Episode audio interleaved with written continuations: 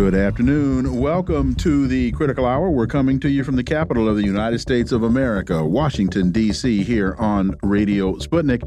I'm your host, political scientist, author, and nationally syndicated columnist, Dr. Wilmer Leon. I'm joined here by my co host, political analyst, Garland Nixon. Thank you, Wilmer. For the next two hours, we will explore and analyze the salient news stories that are impacting the global village in which we live.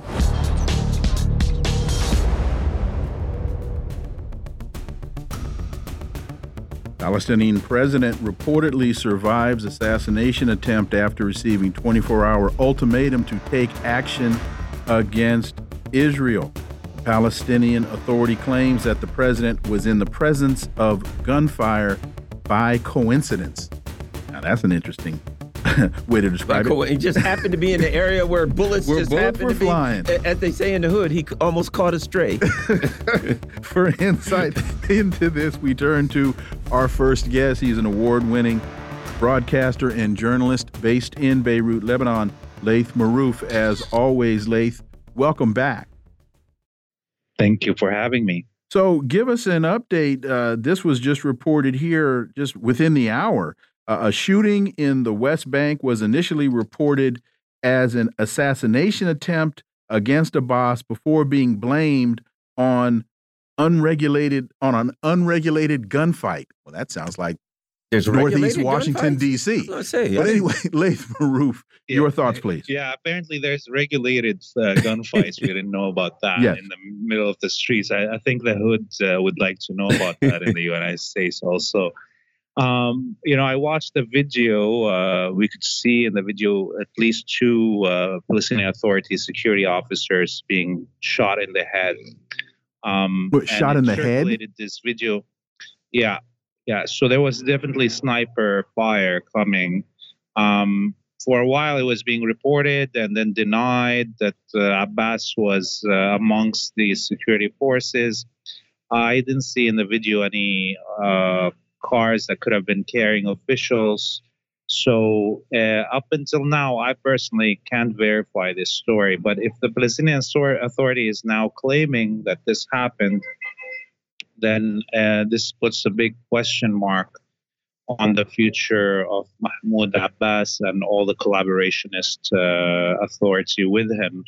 Uh, since uh, you know the the battle in Gaza is just continuing, and the genocide there is just continuing. At some point, definitely somebody would want to take out Mahmoud Abbas because of his collaboration with the Israelis. Uh, given that uh, in the last uh, four weeks, uh, over uh, 8,000 Palestinians were rounded up in the from the West Bank uh, and and jailed by the Israelis. This includes Ahed Tamimi, the lioness, um, you know, the youth that uh, got famous uh, slapping an Israeli soldier. So, um, you know, if Abbas doesn't uh, do his job, uh, it is expected that he will be. Uh, there will be more attempts on his life very soon. We understand now that Benjamin Netanyahu has said that Israel is set to maintain control, security control in Gaza indefinitely after the war. I'll start here and say this. I don't know that he'll even be able to maintain security control in Israel after the war, but what are your thoughts on this discussion that seems to be out everywhere? Well, in, in fact, before you answer that, if I could add one more element to that, because that seems to now be being presented in the context of Israel has surrounded Gaza, Israel has surrounded Gaza City, and is now about to go in house by house, block by block to quote unquote clear the area. That's the that's the Right, right. context that I've been hearing this in late. Yeah, look, uh, today Hamas uh, destroyed at least 16 tanks in in just one the Shata uh, refugee camp. Um, so it's clear that the Israelis will not be able to take control of anything. That's one thing. Uh, I also would like to remind our listeners that in 2006, when Israel uh, tried, attempted to invade Lebanon and bombarded it for 30 somewhat days, they also set uh, this very high goal of totally destroying uh, Hezbollah, and with them was all the West and uh, all the Arab collaborating states. And what ended up happening is that the Israelis got a whipping. And so, you know, this uh, unattainable goal of destroying Hamas is actually just setting the Israeli up for even a bigger failure than they were. If if, if Netanyahu just shut his mouth and uh, you know didn't make these uh, very high goals, uh, he may have been able to save face at the end of this battle. But now that the uh, clear indicated goal of both the United States and and and Israel is to uh, completely eradicate Hamas uh, they will be losing even more at the end of this battle if not all of Israel is is totally wiped off the map. Let me ask you this. Um, you know, we had the the giant protest here. There's been these protests, you know, all over the place supporting the the Palestinians. Has there been any any discussion in the region of the any of the protests, and particularly of the size of the DC protest? Oh yeah, I mean, like it's it's big news here because uh, you know it is clear now for the you know our our region here that the populations of the Western countries are uh, against what their states are doing, but it, which is indicating not only that uh, you know we we are on the right side of history as Palestinians and and resistance groups here, but it's also indicating that there's no such thing as democracy or freedom of speech or freedom of media in the West. That these were total uh, illusions and, uh, and and and fabrications.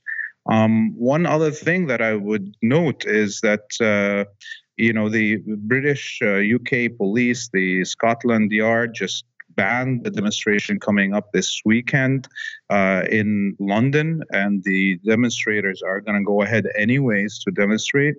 We also had police in Calgary, uh, in Alberta, Canada, uh, arresting organizers of the demonstration from last week, uh, you know, nabbing them off the street and charging them with hate speech and hate crimes for saying from the river to the sea, Palestine will be free, saying that this is an anti-Semitic uh, chant.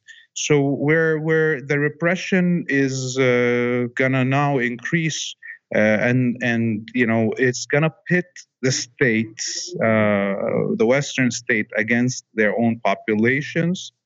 Uh, question is, uh, will these countries go down this path where there is a possibility of instigating civil wars inside the, these countries. Imagine if all the Arab or Muslim um, members, uh, citizens of Canada or the U.S. Guess start getting rounded up, uh, and uh, you know black activists or indigenous activists that support them also get rounded up. I, this is setting up the, the these countries to a situation like back in the 1960s and uh, 70s, where direct armed struggle could break out uh, on the lands of uh, internally inside these states. And I, I, you know, this boggles my mind because obviously, it seems the the you know the effort to support Israel on no matter what the cost uh, the, that cost could be civil wars in these countries. If I was a leader, even if I was a Zionist leader in these countries, I would be like, wait a minute, I don't want my country to fall apart uh, too. But uh, these elite in the West have sold their countries, sold their souls, and sold their citizens to maintain this apartheid genocidal state. I, I want to go back to this um, Netanyahu saying that they're going to maintain security. He says I think Israel will, for an indefinite period, have security responsibility. We've seen what happens when we don't have that security responsibility. What we have is the eruption of Hamas terror on a scale we couldn't imagine. Do you believe that? Then he was asked that they should take responsibility. He said, "Of course, it's not a question. There would be there will be time after the war to allocate that responsibility." A couple of things. One, what does he mean by allocate responsibility? Who who who would he allocate or or designate that to? And it seems as though he'll be flipping his problem because part of, as if I understand it, part of what enabled um, Hamas to attack on the 7th of October was Netanyahu's focus on the West Bank. So if he now has to focus security responsibility on Gaza, then then he may not then he's basically engaging in a two-front conflict because I think he'll be leaving the West Bank exposed. It, it, can you speak to or do, does that make any sense? Well, you know, it is all delusions for real. You know, there's no Israel is already an occupying force uh, in Gaza. Uh, it has surrounded it, uh, blockaded it, uh, besieged it for 16 years. And still, the Palestinian people, in their ingenuity, were able to uh, create this resistance and, and manufacture these weapons to fight for their freedom and liberation. So, uh, number one, I don't think it is uh, even possible for Netanyahu to do this, okay. other than throwing a nuke, as as his some of members of his uh, government have been. Uh, you know, talking about, or the United States using a nuke now that it's sending a nuclear submarine uh, to already in the Mediterranean.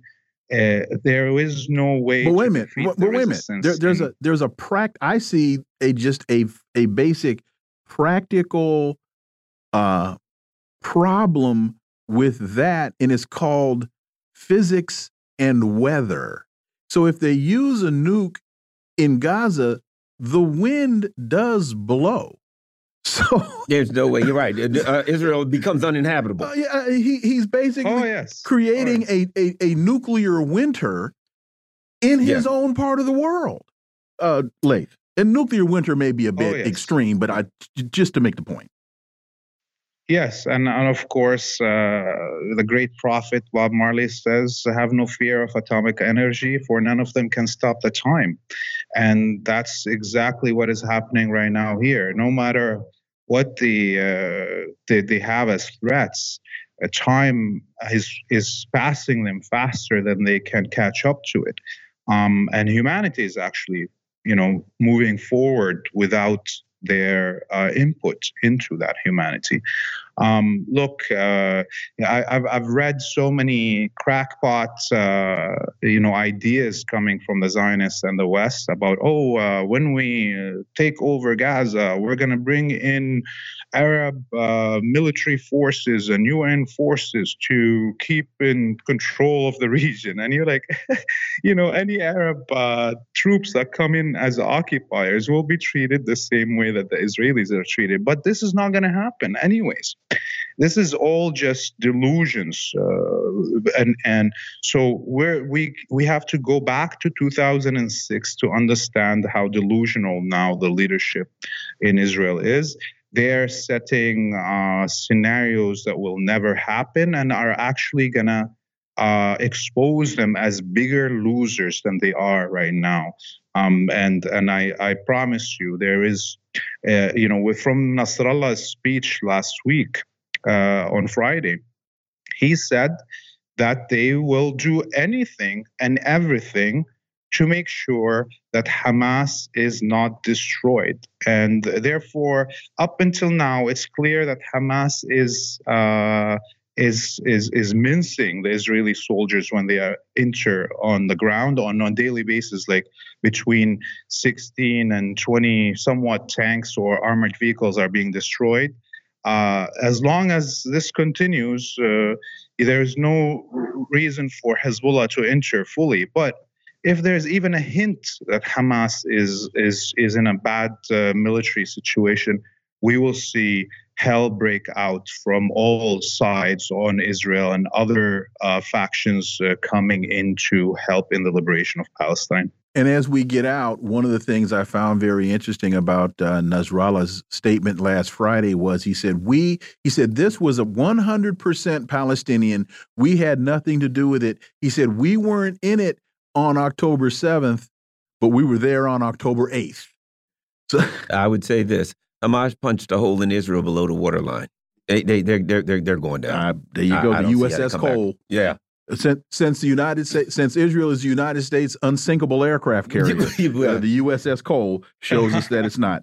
Laith Marouf, as always, thank you so much for your time. Greatly, greatly appreciate that analysis, and we look forward to having you back. You have a great evening. Thank you. Folks, you're listening to the Critical Hour on Radio Sputnik. I'm Wilmer Leon, joined here by my co host, Garland Nixon. There's more on the other side. Stay tuned.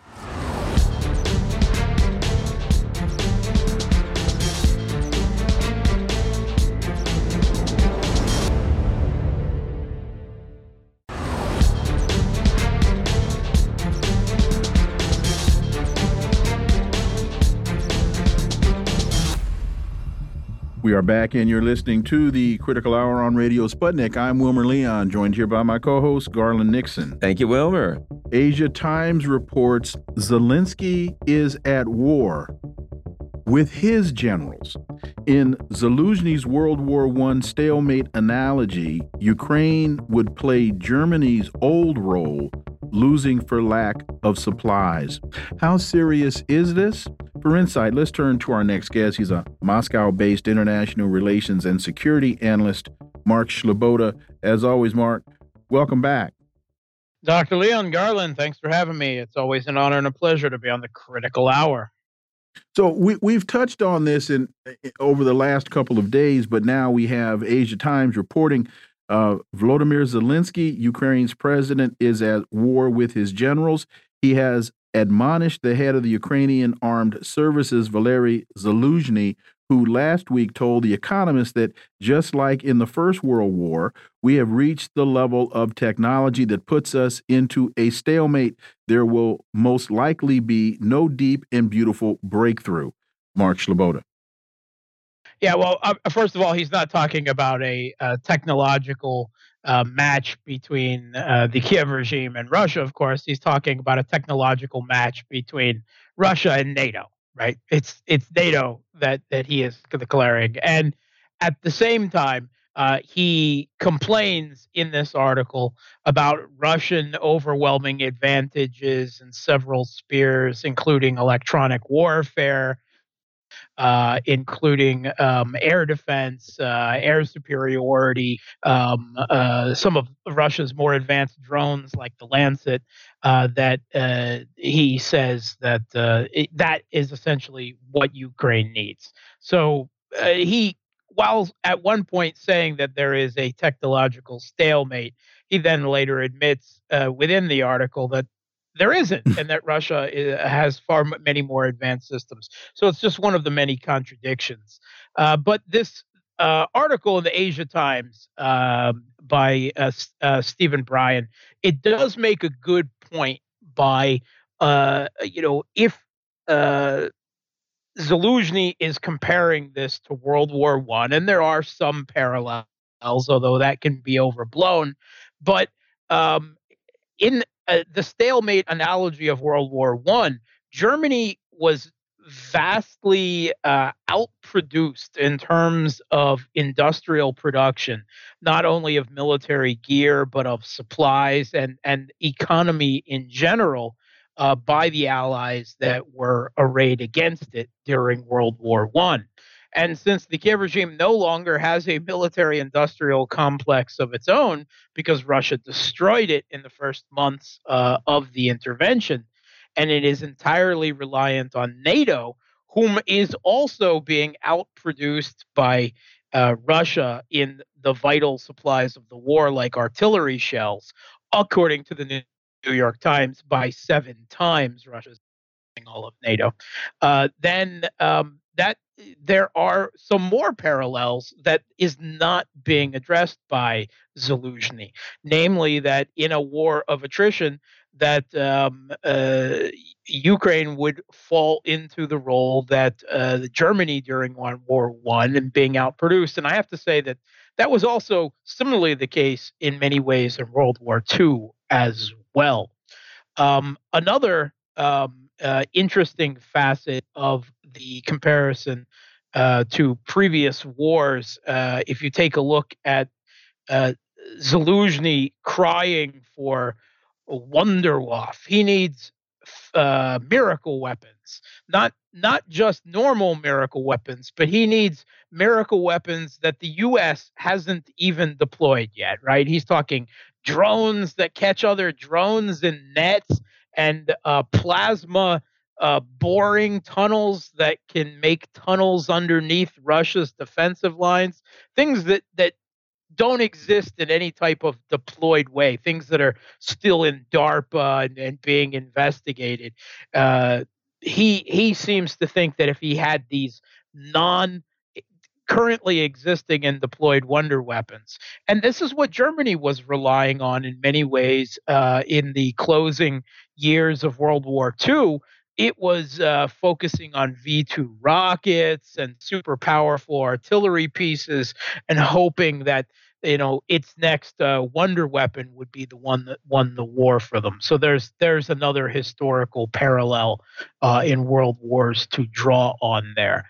Uh, but um, it is rather interesting the political infighting that has emerged over this shall we say, partial mea culpa by Zelensky, with uh, Zelensky, his office, um, uh, publicly admonishing Zelensky over saying that the world that even that the war was a stalemate. You know, of course, not even admitting that they're losing, but even just saying that it was a stalemate. He's uh, the uh, Zelensky's presidential office says it was creating a panic among Western leaders who were calling them up, uh, begging to know if it was true.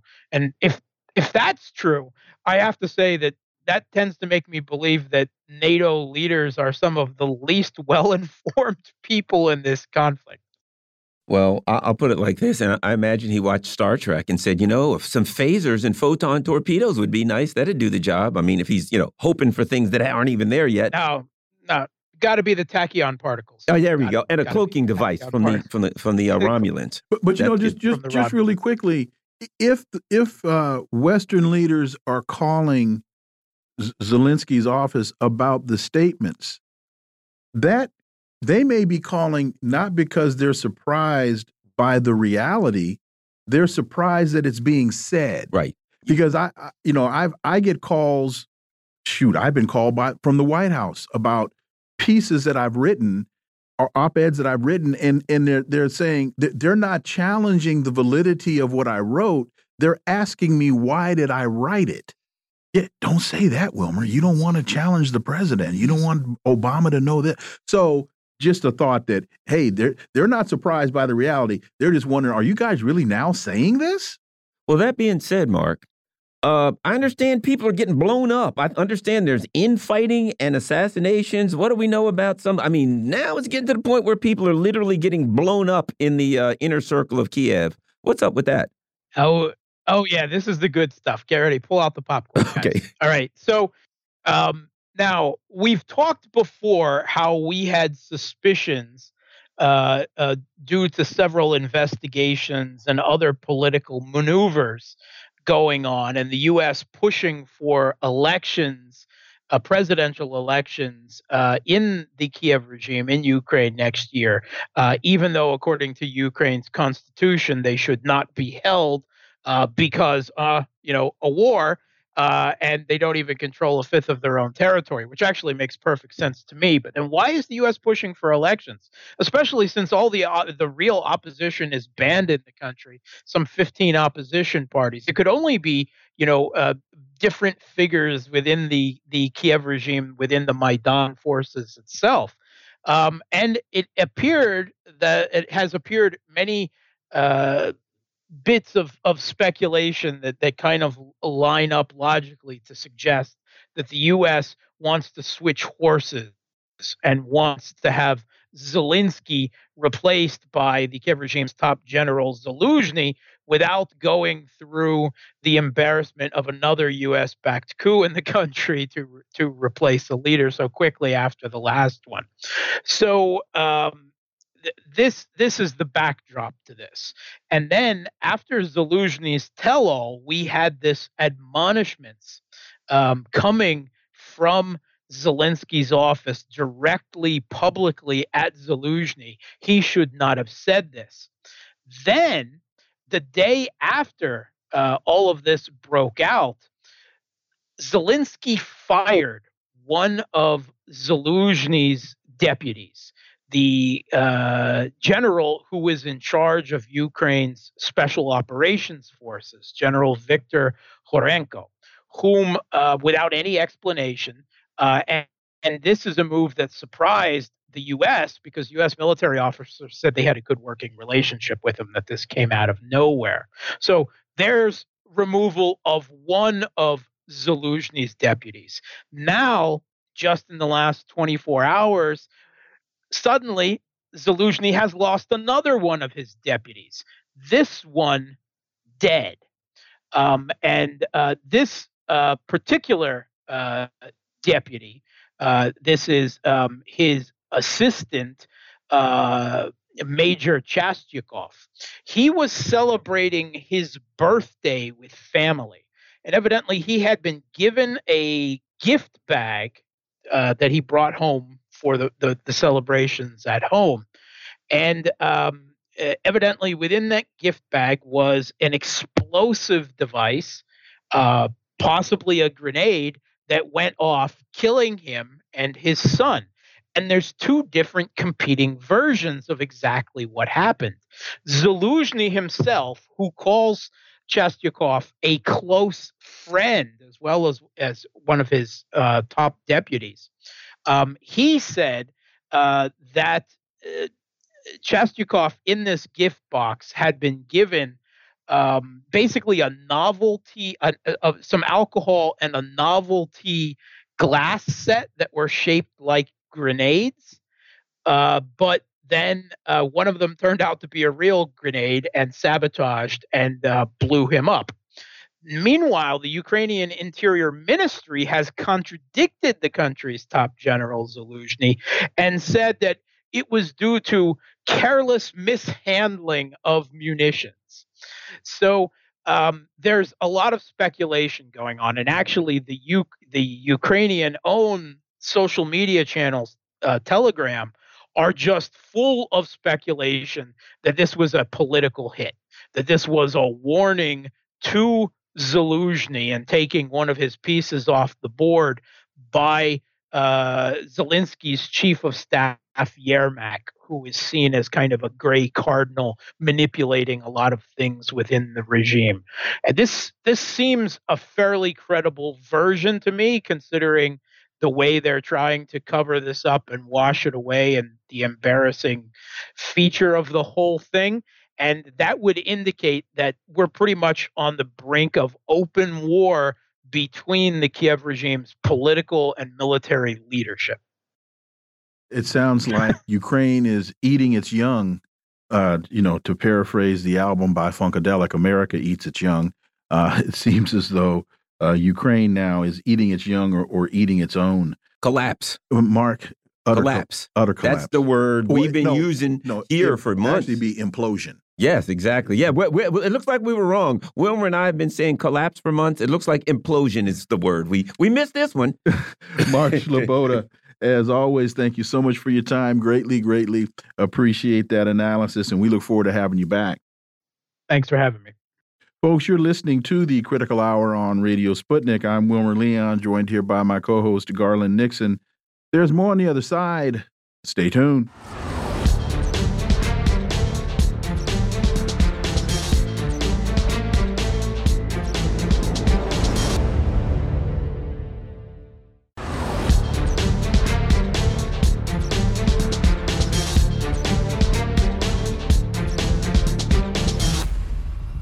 We are back, and you're listening to the Critical Hour on Radio Sputnik. I'm Wilmer Leon, joined here by my co host, Garland Nixon. Thank you, Wilmer. Asia Times reports invisible for a reason. The the um, documentary Invisible Nation disappoints on many levels. For insight into this, we turn to our next guest. He's retired from a global advisory services firm where he advised clients on their China strategies and business operations. As educated at MIT, Stevens Institute and Santa Clara University, he's the founder and former managing director of International Strategic Alliances. He's currently a board member of Freshfields, a novel green building platform, and he's the author of this piece. George Koo, as always, George, welcome back. Thank you very much, Wilmer and Garland. So you you write that Invisible Nation is billed as a documentary on Taiwan and is beginning to be shown around the U.S. by traditional standards of journalism. A documentary film is supposed to inform and educate by presenting unadulterated facts and let the viewers come to their own conclusion. Invisible Nation makes a mockery of the term documentary. It is an unabashed adulation of Tsai Ing-wen and blanket endorsement of Taiwan as a model democracy. George Koo. Well, that pretty much um, was my summary of, of the documentary after I um, watched it, and it was shown at the um, at Stanford at the Hoover um, um, Hoover Institute, and it it was slick. It was well done. It's very well funded and I start to think, you know, how how could they get away with calling this a documentary when it was so obviously biased, slanted, and um, and made no attempt to to um, to cover all sides of a point of view where would you like me to start in terms of well you know it, it, you made it clear that they've got some you know that it's misleading and some points are outright lies. Let's start with some of the things that you can point to and say that is an outright falsehood. The most egregious of them if you as it were. Okay well i i, I feel that the most misleading was at the very early on in the film when the um, documentary maker point, start with a history of Taiwan, and it was a totally, totally incomplete history. It acted as Taiwan was a pristine island until the Dutch came and colonized it. Um, and that was, uh, I forgot what, about the 15th century or 16th century. And then, of course, the Manchus at that time was taking over all of the mainland and the last leader of the remnant, the remnant forces resisting the takeover from the, uh, the late Ming Dynasty, his name was uh, in Chinese was Sun Fen Gong, and in um, in Dutch he was called Ga. Very important figure in Chinese and Taiwan history because as he fought the Manchus, he kept retreating from the mainland coast and eventually he ended up in Taiwan. And when he got to Taiwan, he kicked out the Dutch by force and um, and and took control of the island. Yeah, so that was um, at least uh, two or three centuries ago. I, I, haven't done the calculation, but uh, at that point, after he died, his grandson then surrendered to the Manchu or the Qing dynasty, and so then Taiwan became part of China uh, under the control of the Beijing government. And that would have been uh, what in the 1600s. And, you know, for centuries, Taiwan was part of China. And yet, this documentary posits or makes the claim that the only time Taiwan and mainland China were under control of the single government was when the KMT nationalist government headed by Chiang Kai shek um, took over uh, Japan, I uh, took over from Japan, Taiwan in 1945. Uh, and then when he had to flee the mainland because the communist China was uh, communist party was taking over China, he went to Taiwan in 1949. So the documentary says, see, you know, the only time Taiwan was part of mainland China was from 1945 and 19 to 1949.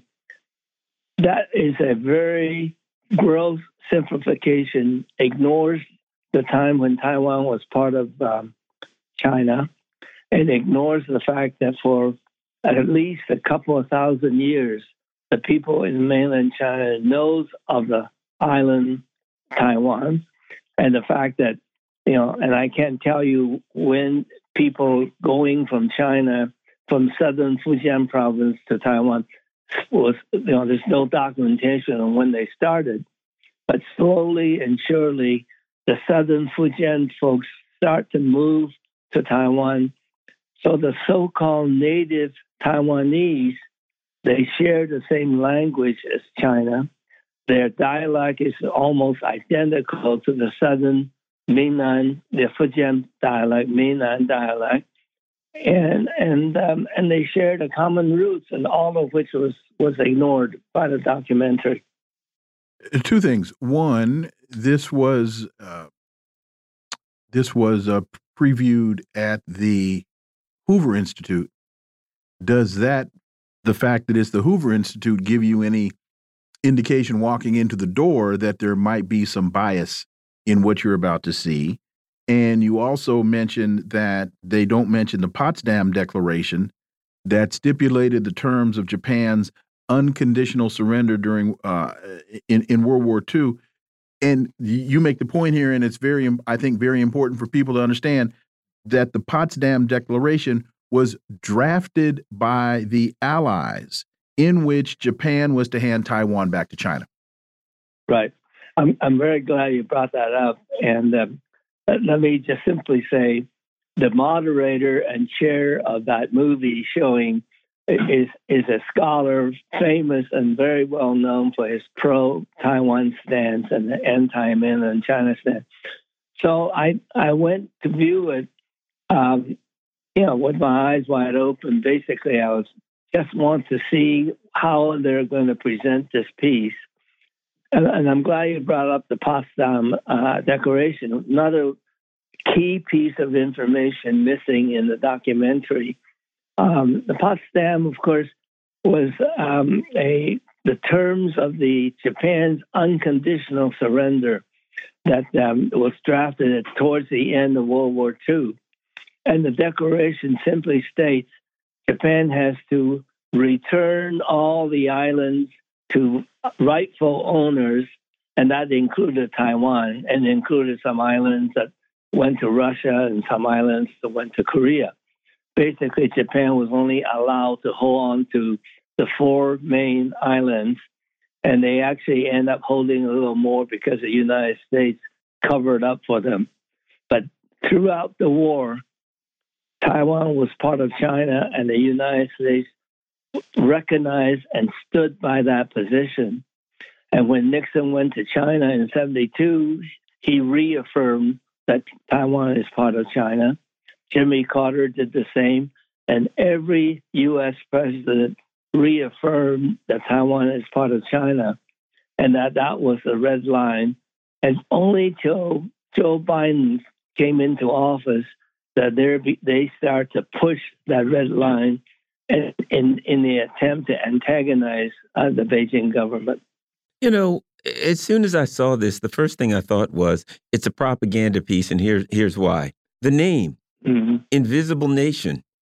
Taiwan ain't a nation; it's part of China. Well, that, no, it is, but see, you can't see it. That's exactly that, yeah. It, obvious. It, that'd be like saying Washington D.C. is an invisible nation. Right. So they, it, it's obvious that it's a propaganda piece just by the name, because the United States doesn't even recognize it as a nation. George.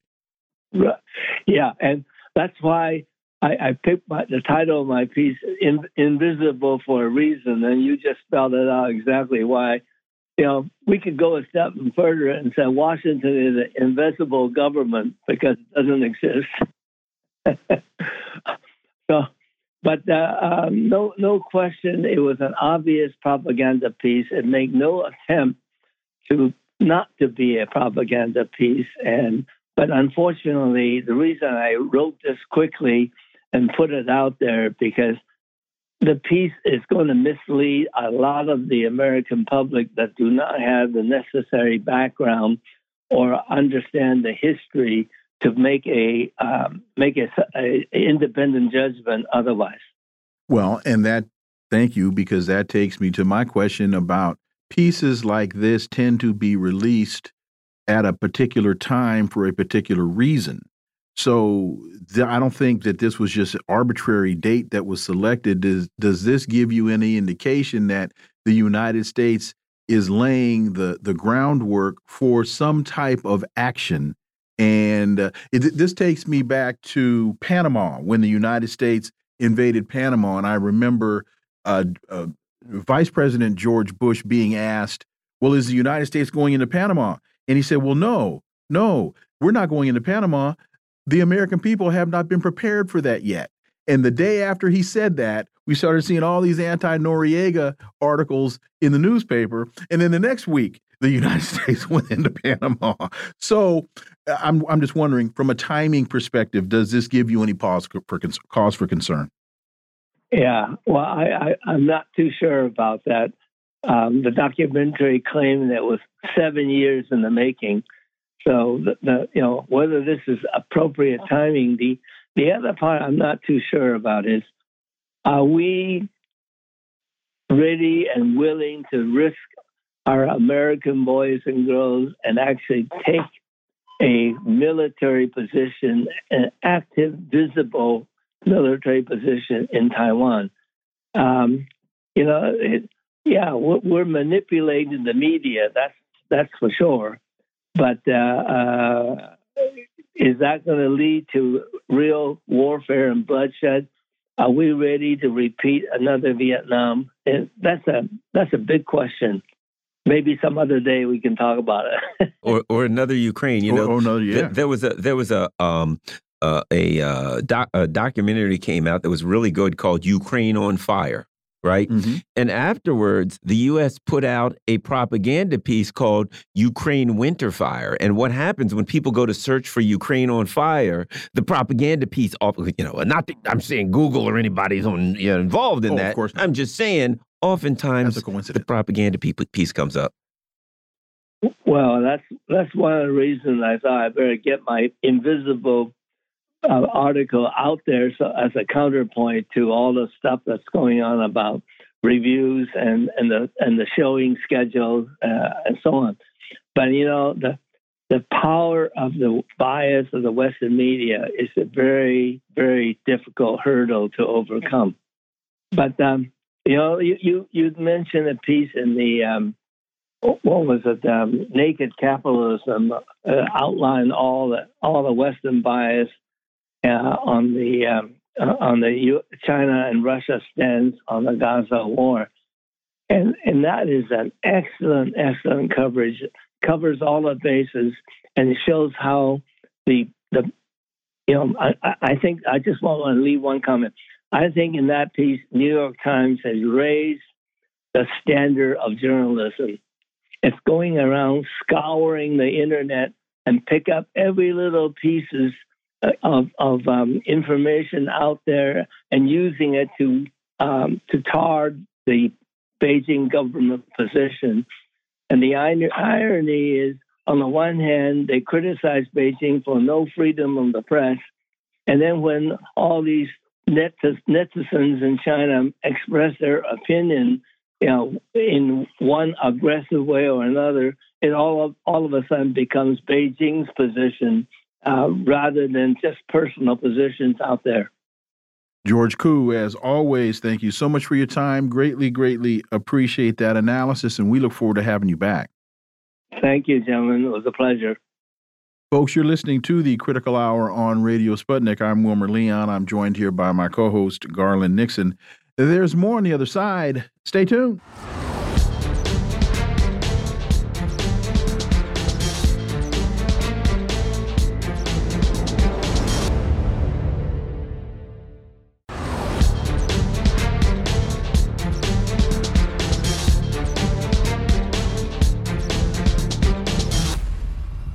We are back, and you're listening to the Critical Hour on Radio Sputnik. I'm Wilmer Leon, joined here by my co host, Garland Nixon. Thank you, Wilmer.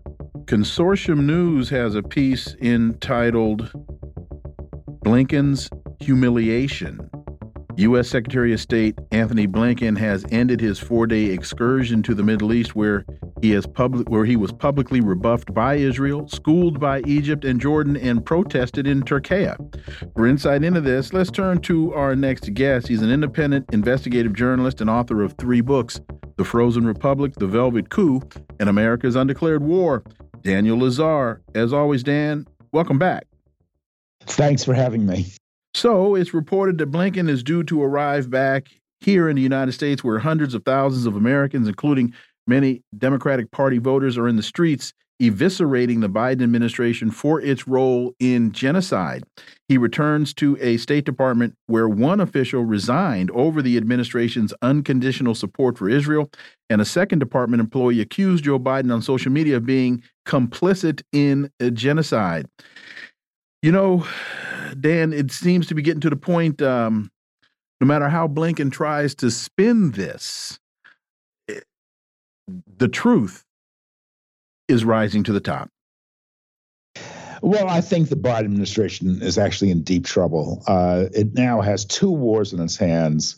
Uh, one is going very, very badly, and the other, regardless of how it turns out, I can't, I think, can't help but result in a real reduction in U.S. power over the Middle East.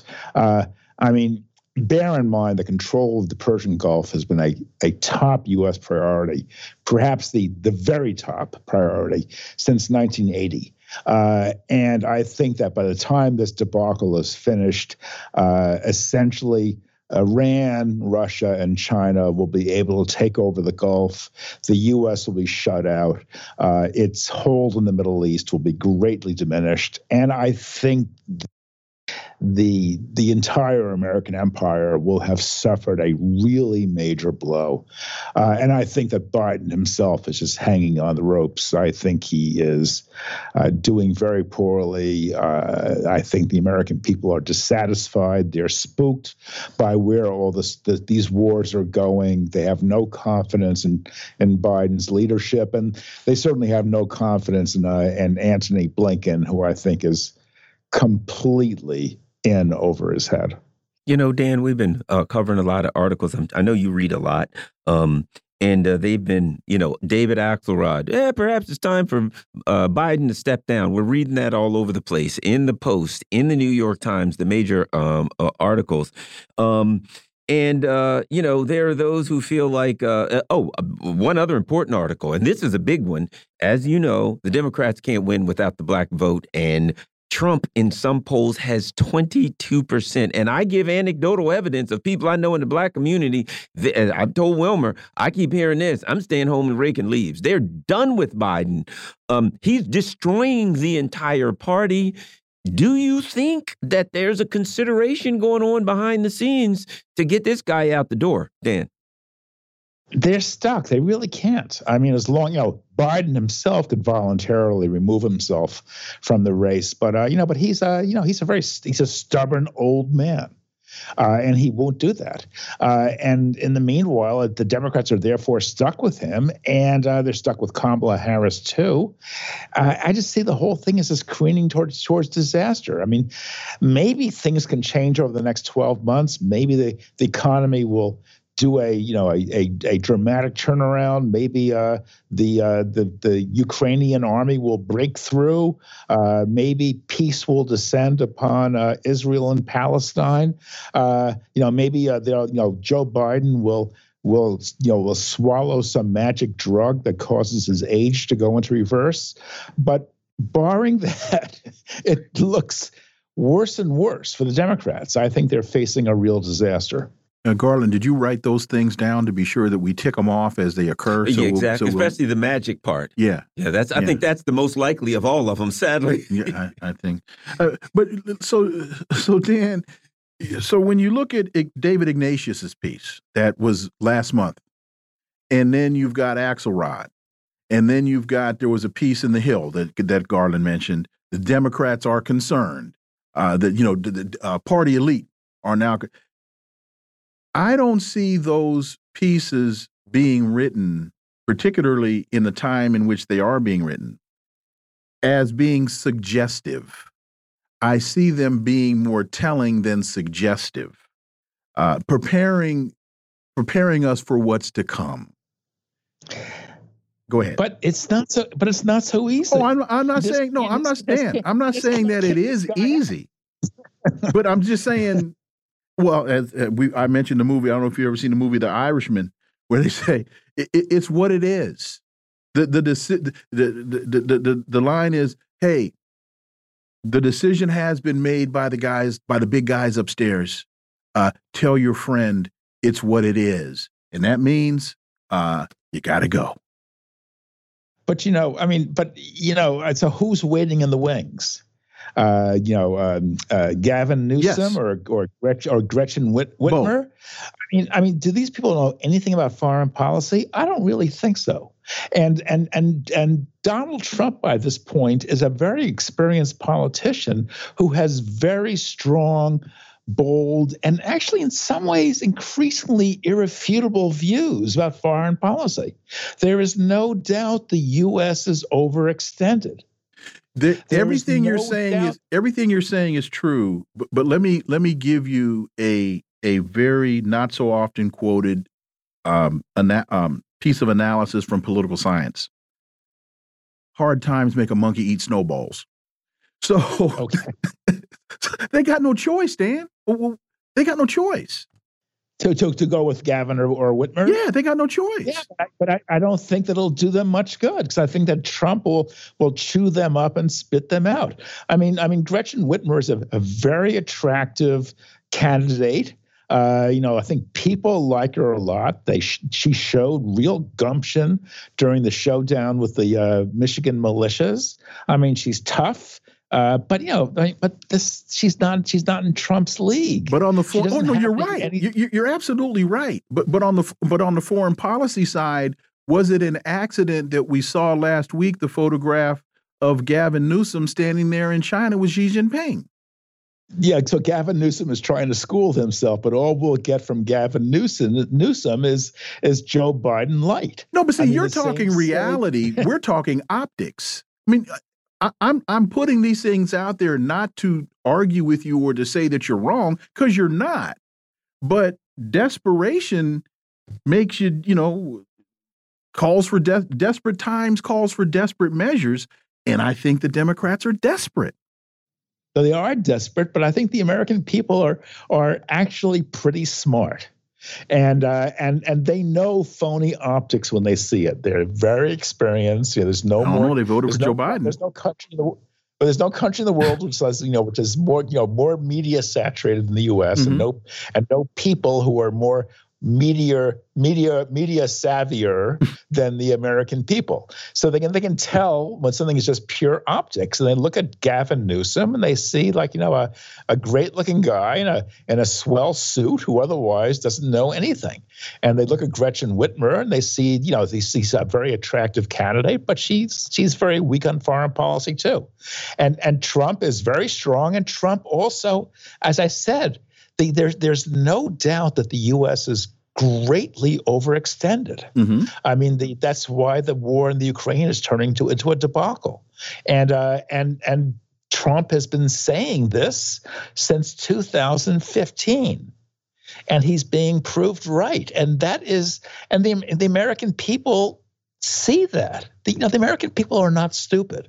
You know, li, you know, uh, you know, limousine liberals like to think the American people are stupid, but mm-hmm. they aren't. They're very smart. They're very perceptive. They can size a candidate up in a flash, and they can tell who who knows what they're talking about and who doesn't. And Joe Biden is in serious trouble because of his own errors. Mm-hmm. And so, and so, and he's going to pay a price, and the Democrats will pay a price as well. There's another article, Orinoco Tribune, and I think this is important. A NATO ally. Turks demonstrated Incirlik Air Base against U.S. airport, uh, U.S. support for Israel. But I watched the video. That ain't demonstration. They're trying to tear the fences down and attack the place. This is a NATO ally. The fury against the United States. To talk about um, isolated. Uh, your thoughts, Dan? Well, the, the, the fury against the United States is really huge, and and the uh, and and the and the U.S. is going to pay a huge price for this war in the uh, in the uh, in, in Gaza. I mean, the, the the the death toll is now is now above 10,000, 4,100 of them children. Okay. Uh, 41 children would, would, be a tragedy beyond comprehension. 4,100 uh, just, you know, boggles the mind. But um, but you know, but the but at the same time, these governments in the Middle East are so weak, so weak. They they're not going to do anything to resist the Israeli war machine. Nasrallah made that clear. He's the head of Hezbollah in Lebanon. He made that clear in his speech last week. So you know, so so yeah, people are really really upset. But the idea of any resistance to what Israel is doing, okay. I think that's a pipe dream. Daniel Lazare, as always, thank you so much for your time. Greatly, greatly appreciate that analysis, and we look forward to having you back. Thank you. Garland, the Democrats are in real trouble, and the longer they wait, they, I, I think they have to do something. The longer they wait. The, the, the, wheels are coming off the, the cart up in, in, in, at the White House at this point. Folks, you are listening to the Critical Hour on Radio Sputnik. I'm Wilmer Leon. I'm joined here by my co host, Garland Nixon. There's another hour on the other side. Stay tuned.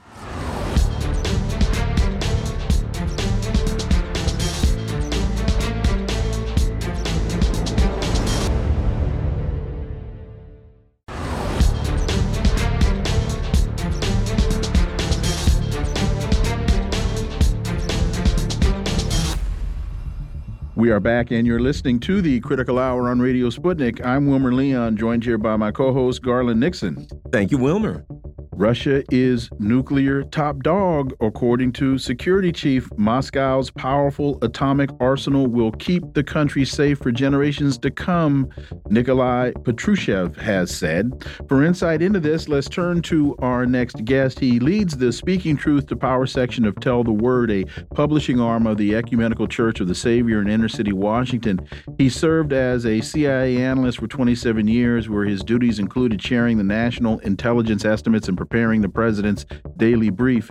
And in January of 2003, he co created Veteran Intelligence Professionals for Sanity. Ray McGovern, as always, Ray, welcome back. Thank you, Wilmer. Russia has secured an edge over its rivals in the realm of nuclear weapons. Nikolai Patrushev, secretary of the country's Security Council, has said he warned earlier this year that while Moscow had never used its military advantage to uh, uh, intimidate other countries. It would annihilate any foe if its very existence is at stake. Uh, Ray, that sounds, I mean, that's a consistent message that we've been hearing for a number of years is we have a nuclear strategy. We're going to stick to our nuclear strategy. It is a defensive strategy and will only be employed if we feel that the homeland is threatened. Ray McGovern. That's correct, Wilmer. Uh, what's new here is uh, that Patrushev, uh, and he's Jake Sullivan's opposite number for people who want to put a context on this. He's head of the National Security Council in the Kremlin. Uh, what he's saying is that Russia now has the edge, uh, it has advantage. It, what he said, quote, for the first time in history, in the history of nuclear missile weapons, our country is ahead of the competitors in this domain. Well, is that correct? I mean, do Americans know that? Does even the Pentagon know that? Well, what Patrushev is talking about are hypersonic missiles, which we don't have, and they do have. And even the Chinese have these. We've been trying to develop them for five, six, seven years now. Just can't seem to get the hang of it. So in that in that area, and what are these? You know, the, these are already these missiles without the nuclear warheads have been demonstrated in Ukraine. They are incredibly accurate, but more important, you remember well when you were kids. I was when I was a kid. Mach Mach was the speed of sound. Mm-hmm. If you had a fighter bomber that went Mach or Mach 1, oh man, these things fly at Mach 9, nine times the speed of sound. There is no defense against them. Even President Biden has admitted that you know, unintentionally. Okay, they're used in Ukraine without nuclear nuclear warheads, thank God. But we know what they can do. They've been tried and tested. The U.S. doesn't have this. Now, what's the relevance of this? Well, there's a a minor uh, regional uh, relevance to it because they could be used in a regional war, such as Ukraine. Let's take Ukraine, for example. Let's say when Biden and Blinken and Sullivan have to admit that they, they're just on the point of losing, and they can't possibly lose in Ukraine because then they would lose the election and maybe even lose their freedom by going to jail. Okay. Let's say that, hey, we got any more of those uh, 155 uh, uh, splinter weapons or, or, or, depleted uranium? No, we're all out of that. Well, what else we got? Well, we got a mini nuke. Okay. Well, what the Russians are, are saying here is look, don't even think about it because we have a theater, we have a regional capability here with these Kinzhal missiles that you can never defend against. They're ready and they're our, the advantage is ours. Now, is that true? That is absolutely true. Now, in the broader strategic concept, does this matter? No. Do we still have the triad, the bombers and the submarines and the ICBMs?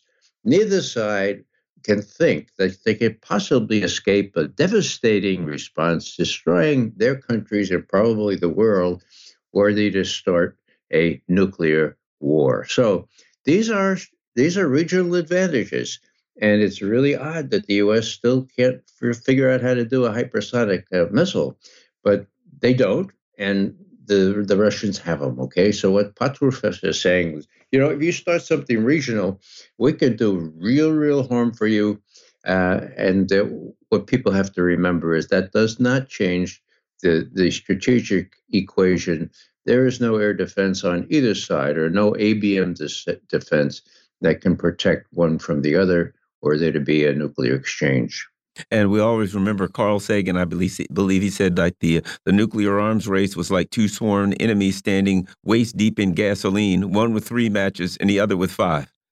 But um, that being said, Ray, this nuclear brinksmanship that we've seen under the Biden, in my opinion, under the Biden administration, is unprecedented. You know, a while back there was some rumblings in North Korea, in Korea, in the Korean on the Korean Peninsula, and so they send a nuclear armed sub to South Korea, highly upsetting everything. Now they're sending a nuclear armed nuclear armed sub to um, the uh, Middle Eastern area. Anytime there's any issues anywhere, they, it seems to me that they're threatening the world with annihilation. Your thoughts? Well, you know, I've been thinking about this, and um, you know, let's entertain this possibility. I think it's a viable line of speculation. Uh, back when uh, there were wars in Iraq, uh, Iraq was firing Scud missiles at Israel. And we pleaded with Israel. We begged them. We gave them all kind of incentive. Please, please, please don't get involved in this war because we have all these Arabs on our side. We're going to beat who's please, please, please. Well, the Scuds kept coming, but the Israelis relented and did not attack. Now, what's going on here? Well, here we are in 2023. The Israelis have a nuclear weapon. That's their ace in the hole. If you think they wouldn't use them, well, you don't know the Israelis. If their back is against the wall, they're going to pull the whole temple down upon everyone. That's called the Samson option. Okay. So, what's the U.S. sub doing there? Well, my guess is we'll say, look, please, for God's sake, don't, please, uh, uh, Bibi, Bibi, no, we know that you got tactical and, and strategic nuclear missiles, but please let us take care of it. We have an Ohio, Ohio submarine right right next to. We can take care of any harm that comes to you. Please don't use your nukes. Um, I hadn't thought of that before, but I think that may be why we have that capability there. It makes no sense at all, even though some of these Ohio class submarines do have cruise missiles which would make more sense. And even cruise missiles don't have to have nuclear warheads on them. So, from a tactical point of view, it makes a little bit of sense. I think it makes more sense in the in the uh, the sense that I mentioned here that we're trying to say, look, Bibi, uh, we know you got nukes. Please w- let us use them if we have to, or let let us threaten to use them. Don't use your nukes. What about the whole dynamic when the United States sent the uh, the carrier uh, Gerald Ford into the Mediterranean? And I, I laugh at this for as serious as it is. I just laugh at President Putin's response, which was, "Why are you guys doing this? Don't you realize that we have uh, our fighter jets flying around the Black Sea with Kinzhal hypersonic missiles, and they have a range of a thousand kilometers, which is about what six hundred and thirty miles. So we can we can sink you from here, and you'll be taking on water before you even realize you've been hit. Um, so I'm just trying to figure out this whole thing of brinksmanship. It, it only makes sense if you're oh and the other thing that that president putin said was you also have to realize you're not scaring anybody. You're sending an aircraft carrier into the mediterranean and, you, and you're trying to frighten people that don't scare. So so your, your thoughts ray? Well wilmer i think you really have to dissect the mentalities in washington the blinkens the nulands the sullivans Austin to the degree he's involved. You know, a couple of them at least would just as soon see an open war with Iran. And one or two of them would just as soon see an open armed clash with Russia. I mean, if that's the case, and I think the evidence is pretty clear on all that, then why not take a chance? You know, send these things, uh, provocative as they may be. Uh, you can't really use them except in extremis. They do present sitting ducks. I mean, the Eisenhower aircraft carrier uh, is three soccer fields long, for God's sake. I think I could hit it with a minimum of training with a drone or whatever, okay?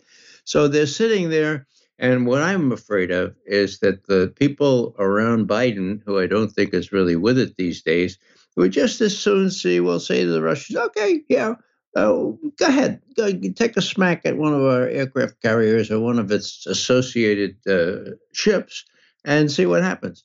Um, they are um, not all that uh, bright and they think that they're exceptional and they cannot do the kinds of things that they think they can, and they just as soon get involved in uh, in open hostilities with Iran and Russia. Luckily, Putin's a very smart guy. He knows this, and so he can sit back and make fun of it, and so can the Iranians. And I think they're keeping their powder dry. The Iranians, the Turks, and the rest, and the Arabs. And you know, I, I hope, I just hope that they realize that they have economic and other weapons like uh, gas and oil that they could put into play short of getting involved in a war with the United States and Israel. You know, um, in in in light of what's happening in Europe, it also, if you could uh, uh, uh, touch base on that, if we could touch base with you on that, also, it appears that Ukraine, the that the um, Ukrainian project is coming apart, coming apart at the seams. There's infighting, there's internal assassinations. It looks like collapse is coming. Ray, your thoughts on the state of affairs there? Well, it's over for Zelensky. Uh, it's just a matter of time before the U.S. is able to maneuver things so that uh, uh, one of his one of the army generals or somebody else replaces him. Uh, then there has to be some sort of deal cut with the Russians. Now, the timing is all important here. How much time does Biden have? Well, he looks in terms of between now and the election. Okay.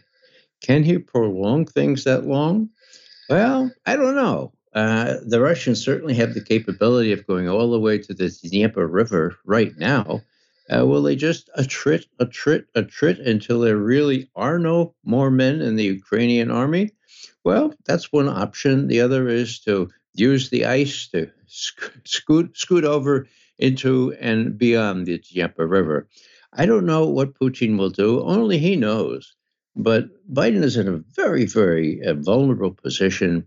The more so since he has a personal stake, not losing the war, not losing the election, and avoiding vengeance by the fellow who would likely win uh, to the point of being put in prison or jail because of well documented bribery schemes, not only in Ukraine, China, and elsewhere. Why send a U.S. stealth submarine to South Korea and tell the world about it? When the presidents of the U.S. and South Korea announced a landmark deal to deter North Korean aggression, one element of the pact stood out plans to deploy a U.S. nuclear armed submarine to South Korea for the first time since 81, where the headline uh, act in the unveiling of the Washington Declaration, a set of measures aimed at making Pyongyang think twice about launching a nuclear attack. A couple of things. One, uh, North Korean aggression. It seems as though North Korea responds to aggression as opposed to being the aggressor in and of itself. And I'm just wondering how much of all of this, whether it's the Gerald Ford going into the Mediterranean or now this uh, Ohio class ballistic submarine going to South Korea is for public consumption versus real projection of power and threat. Because I, I can't see the um, um, Kim Jong Un quaking in his boots because the U.S. sent a submarine to South Korea. Uh, you're right, Garland. In a word, it's all show. There is a new element, though. Uh, the Russians have given North Korea a very advanced ICBM. We know that. We've seen it launched in a test, okay? Nobody knows that, but the people in the National Security Council are trying to work on it, try to figure out what it means. What it means is that Putin is playing a very offensive game in this case. Uh, he's equipping North Korea in a way that Russia would never do that outside its own perimeter giving him a very late model Topol class ICBM. And uh, so that can hit the United States. The North Koreans already have the capability of hitting the United States. This one can hit it with a, a myriad of, uh, of decoys and also uh, independent targeted uh, reentry vehicles. So the, the thing is, uh, the U.S. Navy has to show, well, you know, we got this stuff too and it's mostly this kind of manifestation, a demonstration of our our our potential too. It doesn't really matter because those submarines can hit North Korea from three thousand miles farther away. For God's sake, it's all it's all show to show uh, just how how smart we are, and and in the process, disclosing that we have a stealth, mind you, stealth submarine in there so everybody can track it wherever it goes now. Uh, once it leaves uh, the, those uh, those Asian waters, this really does make a lot of sense. Ray McGovern, as always, thank you so much for your time. Greatly, greatly appreciate that analysis, and we look forward to having you back. Most welcome. Folks, you're listening to the Critical Hour on Radio Sputnik. I'm Wilmer Leon, joined here by my co host, Garland Nixon. There's more on the other side. Stay tuned.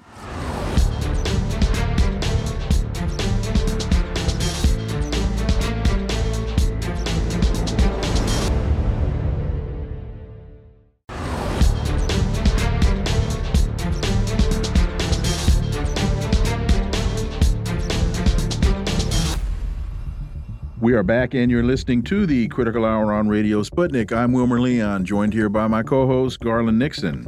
Thank you, Wilmer. The Guardian reports protesters stage sit in demanding ceasefire in Gaza at Statue of Liberty. About 500 demonstrators, including artist Nan Goldin, attended protest on Monday in New York City.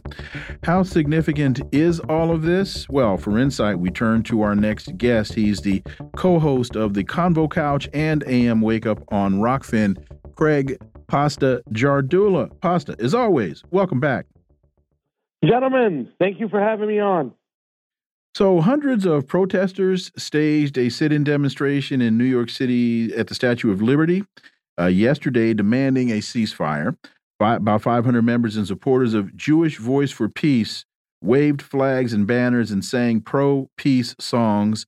You know, uh, Craig, in this instance, the size of the protest, particularly compared to the one that took place on Saturday in Washington, and we know that there was a huge one in in Berlin. Uh, it for me, it's not the size of the demonstration; it's the fact that its supporters of the organization Jew Jewish Vo Voice for Peace, uh, in that the the dominant Western narrative makes this out to be uh, Hamas against Jews, that this is a, a Jewish issue, that all Jews are united around their support for Israel. And what an organization such as Jewish Voice for Peace tells us is that narrative is not accurate. Craig Jardula. A good, a good pun in there, right? Not the size of the wave, but the motion of the ocean, right? I, love it, Doctor. Uh, I mean, yeah. Listen, first off, I just want to say I'm so proud of these people right here. You know, I am so proud. It's very hard. I think we all know here on this uh, phone call that it's very hard to go against, you know, the mainstream. It's very hard to go against your own tribe. Uh, but you know, I mean, they're just standing up for uh, what they think it's right. You know, and it, it's just beautiful.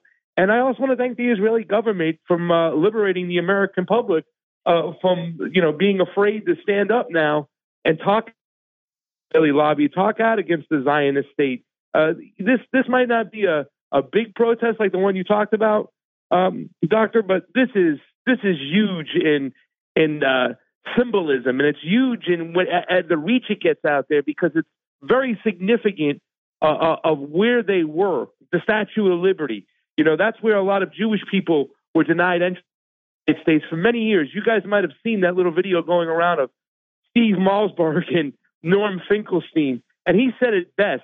You know, th- th- that was the same excuse that was used uh, uh, talking about why doesn't anybody want the Palestinians? Maybe there's something about them that we don't know about them, implying, I think, something very cryptically racist there. But it was the same excuse used. So I am so proud of these Jewish people that showed up at the Statue of push people out there that they can do, they too can do the same thing.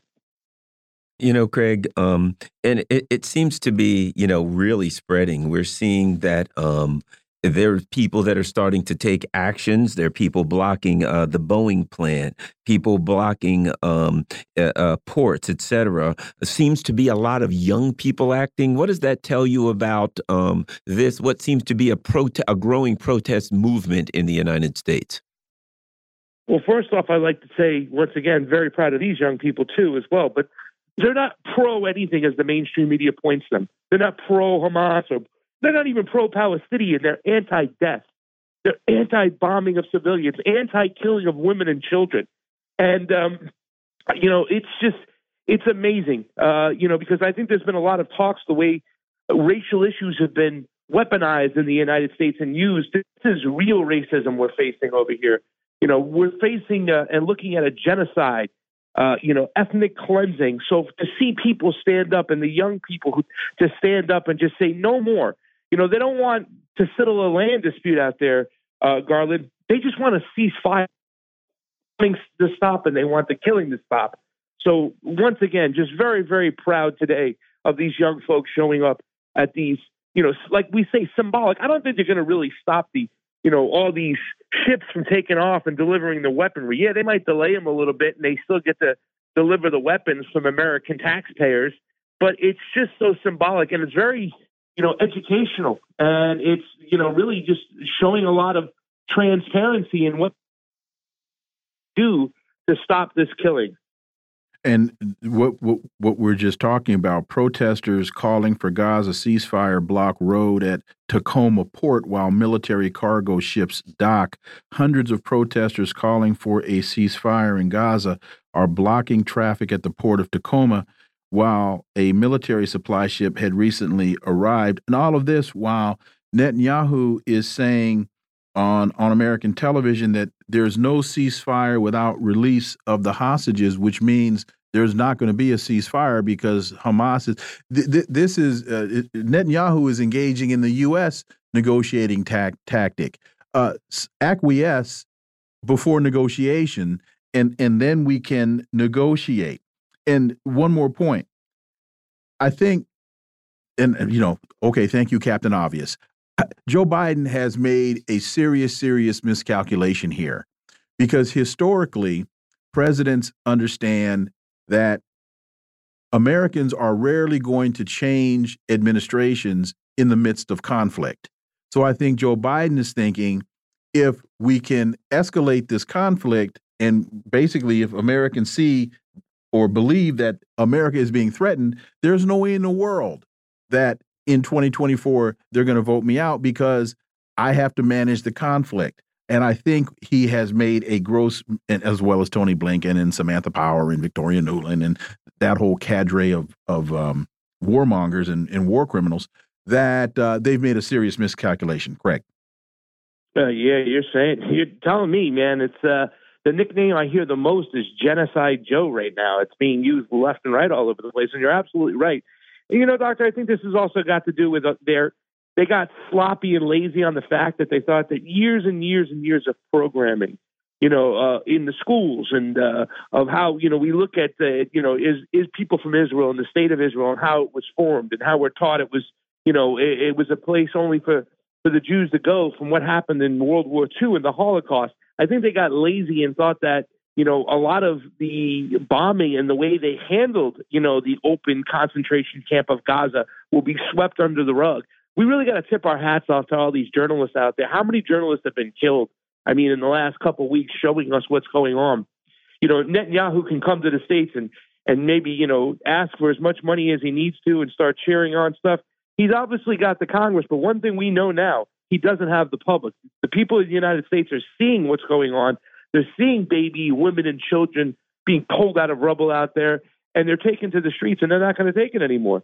So I think these guys have overplayed their card and they're understanding what's going on, and it's just going to really backfire on them if they continue to go this way. That's why you hear these little echoes of a pause, not a ceasefire, but a pause.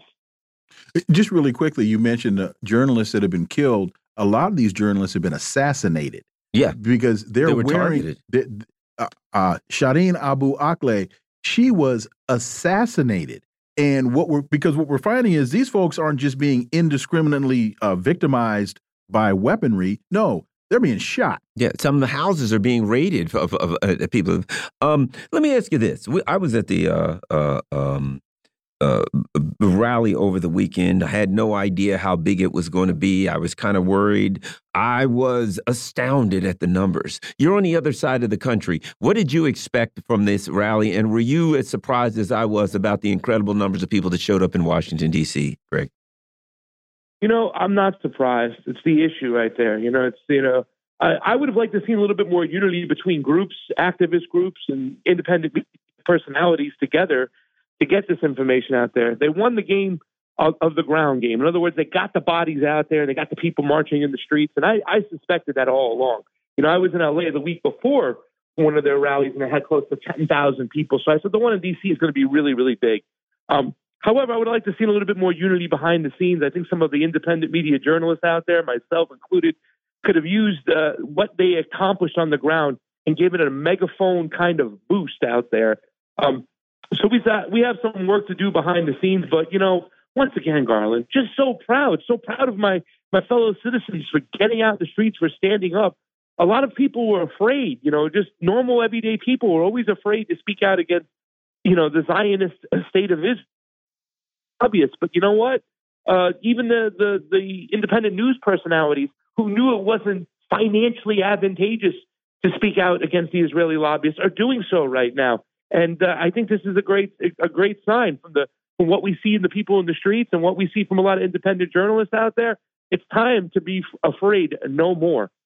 There's another story Israel Palestine war activists block Boeing facility supplying bombs to Israel.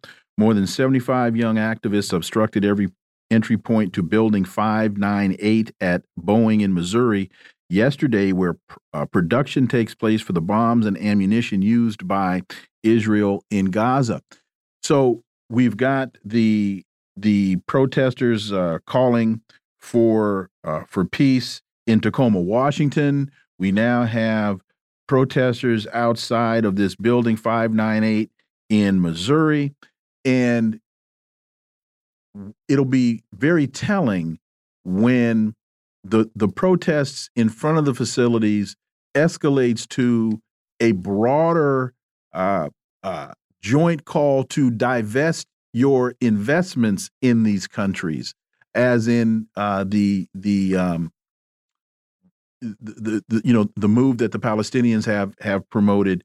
That when folks really start talking about, oh, our uh, our our insurance, our I mean our retirement uh, investment is is in Boeing stock. We have to, you know, so on and so forth. Your thoughts, Craig?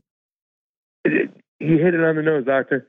This is that's you know a lot of people think that the size is is is what all that matters, right? But you said when we opened up this conversation, it's not the size of the wave. Sometimes it's the impact it has, you know, throughout finances. You you hit it on the nose. A lot of people are going to start divesting, and uh, you know, you mentioned that this protest had 75 people, but the significance, the symbolism of where it's at, the transparency, the pointing of the finger saying, hey guys, hey American citizens, this is what we have to be paying attention to. This is what our tax dollars are going to. To bombs being built right here. The blood is on our hands. So, yeah, I think it's going to start a chain reaction of people saying, that's it. I'm not putting my money here anymore.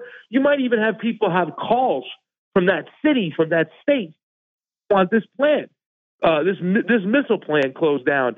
You know, the waves are going to just continue to grow throughout with these little protests. These protests might be small, but they are so successful, and I am so proud. I know I can't say it enough. Well, and uh, you know, the other thing is that you know people have been saying, "Where is the anti-war movement in the U.S.?" I think now they've woken up the anti-war movement. I think we can see that the amount of young people involved um, are, is significant. It seems to me that they've woken up the anti-war protest, and I don't think it's going to go away over just uh, you know over this issue. Uh, if we should be fortunate enough to get out of it alive, uh, Craig. No, you know, I hope it doesn't go get away. I hope we do get out of it alive. But you're right, Garland. And this is the opportunity for a lot of independent journalists like ourselves to pick up the ball over here and make sure that we point a light and show transparency on the next war or current wars that are going on. Uh, I don't know what it is that really got a lot of people shocked them to the core. Maybe it was the fact that most of the people who are being killed right now are civilians, that half of them are women and children, uh, more than half are women and children. So, I mean, um, we just got to continue to carry this torch right now that's being lit. It has woken up the anti war movement. Uh, there's going to be a lot more discussion, a lot more minds you know, this is the, these are the type of protests and rallies that I think you get people who might be watching, you know, like a game show on one night or uh, one of their favorite, uh, you know, uh, what do you call those? Uh, virtual reality, not virtual realities, but reality. Reality TV shows, right? The housewives of this foolish city and the housewives of that foolish city. Yeah. Maybe they might turn that off now instead of spending that half hour hour that they used to spend on that and listen to the critical hour instead. And I think that's a success story right there. So I am ready to come shooting at the gate and fighting and working after these protests quell down because I think at the end of the day, you're going to see Israel start calling for a ceasefire themselves. Because if they keep on pushing it and Hezbollah gets involved or Iran gets involved, they're weak right now. They, they're not ready for this war. They're ready not to go. They're not ready for tunnel warfare. So it's going to take a, a bunch of us together to continue to get this going. Our citizens, our journalists, our independent media. So hey, baby, let's go. Well, I know this as more people find out that they can hear Craig Jardula on the critical hour, they will stop watching the foolish uh, so called reality shows and start listening to us. Craig Jardula, as always, thank you so much for your time. Greatly appreciate it. We look forward to having you back. Look forward to coming back. Folks, you're listening to the Critical Hour on Radio Sputnik. I'm Wilmer Leon. I'm joined here by my co host, Garland Nixon. There's more on the other side. Stay tuned.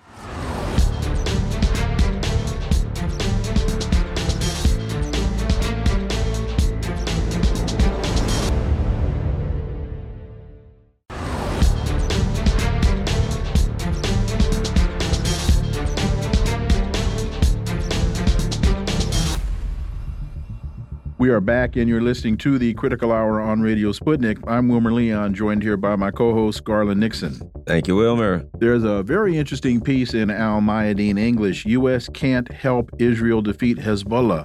Former U.S. intel officer says uh, ben Benjamin Netanyahu desperately seeks to get the U.S. involved in a multi front war.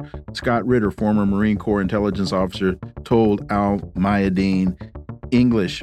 For insight into this, let's turn to uh, our next guest. He's a former Marine Corps intelligence officer. I'm sorry, That's not that's not right. that's Scott Ritter. Uh, he's folks. He's John Kiriakou. Let How me just say that? that. John, welcome back as always.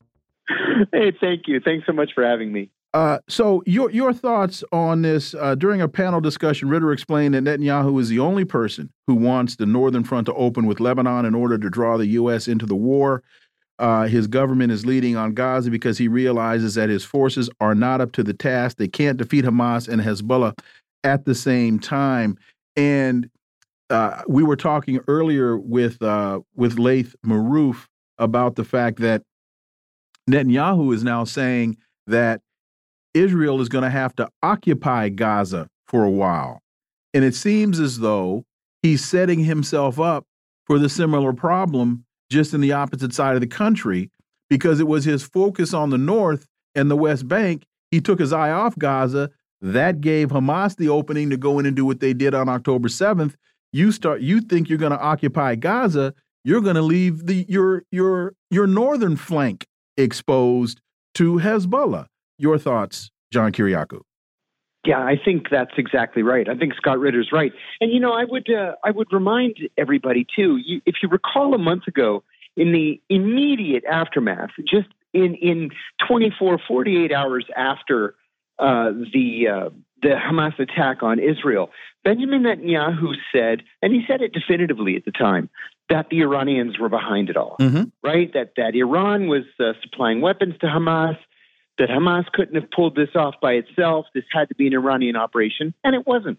It wasn't an Iranian operation, but but that was very consistent with uh, with Netanyahu's thinking over the past two decades. Let's say Netanyahu has asked three successive American presidents to either attack Iran or to join with Israel to attack Iran, and, and the answer has been no three times. And so now he sees this as an opportunity to bring the Americans in to either help defeat Hezbollah while the Israelis focus on Hamas or to defeat Iran while the Israelis focus on Hamas. Because the truth of the matter is, Israel cannot fight a two front war. It's just not equipped. Now, we heard from, from Netanyahu's office today that the IDF is, their words, deep in the heart of Gaza. Well, good luck with that. good luck with miles and miles of tunnels. Good luck fighting an enemy that is intertwined with the civilian population. Good luck. That doesn't mean that the United States should be dragged into it. We have our own problems now uh, with Ukraine and with with this what seems to be an overwhelming national desire to jump in on the side of the Israelis from a distance. But that doesn't mean that we have to send American uh, troops uh, to help Israel fight its war. You know, another thing that um, uh, uh, uh, Scott brings out that Israel has lost the propaganda war, and, and I would put it differently. You know, you and, and he could say, you know, the information war, the propaganda war, whatever the case you may you, you may want to call it. But the reality is that people are getting the videos, the information, the actual numbers. They're seeing the death of civilians coupled with the outrageous statements made by members of Netanyahu's cabinet that has shocked the conscience of the world. John. Oh, listen, over the weekend, there was a statement uh, by a minor cabinet official, the, the Israeli Minister for Heritage Affairs, who said on a radio station, um, well, he, he answered a question uh, Would it be appropriate to use a nuclear, uh, nuclear bomb in Gaza? And he said, That is something that should be on the table. Well, first of all, that would be a, a crime against humanity of, of epic proportions. And secondly, that's the first time that any Israeli government official ever in the history of the country has ever admitted that Israel has a nuclear weapon. And so, you know, the Israelis just can't seem to to get it right. They can't seem to get this information war or propaganda right. Look also around the world at what happened this past weekend we had as many as 300,000 people marching in the streets of Washington calling for a ceasefire. That's after a prediction of 30,000 people uh, showing up for this demonstration. They had 10 times the crowd. There was a, a bigger demonstration in London on the same day 500,000 people, more than 500,000 in Jakarta. There were equally huge demonstrations in Berlin and, uh, and in Tokyo. There were demonstrations across the United States, in San Francisco, and Denver. They've already lost the information war. You know, I had a guest on my own show today, uh, Dan Kovalik, who said that when push comes to shove, the American people usually do the right thing. And the American people, not the American government, the American people, and they will call out an injustice. And we're only four weeks into this fight, and already they're seeing an injustice. Your last guest mentioned that uh, more than half of the uh, of the deaths so far in Gaza have been women and children. Most of the deaths have been have been civilians. That is unacceptable. No matter what country you come from, that is unacceptable. And the Israelis don't care about things like that. When you listen to uh, Nasrallah from uh, Hezbollah in his uh, Friday speech, and he he talked about this is going to take a while, and he's asking the question, America, are you ready for how long this is going to take? Because we're not going anywhere. Um, exactly. Uh, you you talked about the uh, you know is, Israel saying that they're that they're deep into Gaza. Well, you know I can't imagine Hezbollah being smart enough to plan what they planned on October seventh, but to not have planned for October 9th. I it I, you're exactly right. It, it just seems as though a they knew what Netanyahu would do. They, they knew that he would just lose his mind and want to attack. And so I it seems as though they are baiting him in and that I don't know if it's going to be tomorrow, I don't know if it's going to be next week, but a lot of those IDF forces are going to turn around and go, "Oh my god, we're surrounded. What are we going to do?" Oh, you're you're so right. You know, look at look at what life is like, just day to day life in in Gaza. Uh, you've got two hours of water you have four, five, maybe six hours of electricity. Um, if you if you get a, a dread disease, you know, cancer, God forbid, something worse, you're going to die. There's just no treatment. Um, if you want to improve your life and, and maybe get out of the country, I, I know a guy personally who was admitted into medical school in in uh, France, but you need the permission of the Israeli government to leave Gaza, to physically leave Gaza. He applied for seven consecutive years before they finally let him leave Gaza. He went to France, he got a medical degree, and then applied to go back to Gaza to serve his people and was denied, and is now a French citizen, even though he wants to go back and help the Palestinian people. Um, there was a there was a release from WikiLeaks back in 2009 in which uh, an American State Department cable, quoting an Israeli government official, uh, as saying that the Israeli government goal in Gaza is to allow them just to live, nothing more than just barely eking out a living. And it would never get better. That's, that's an Israeli government policy. So we ask ourselves, you know, what did Hamas think Netanyahu was, was going to do? And I would say that the question we should be asking is, what did Netanyahu think the Gazans would do? Mm-hmm. You know, Martin Luther King said that um, that we should never underestimate a man's desire to be free, and I think we're seeing it play out now on a day-to-day basis. Now, uh, turning to your comments about Hassan Nasrallah, he asked a very important question. He probably meant it rhetorically, but I think it should be taken literally. The United States cannot and should not fight Hezbollah. We don't live in that neighborhood. and they know that they can wait us out just like the Afghans did, just like the Iraqis did, just like the Vietnamese did. We have no business being over there. That is Israel's fight. You remember the last time Israel fought Hezbollah?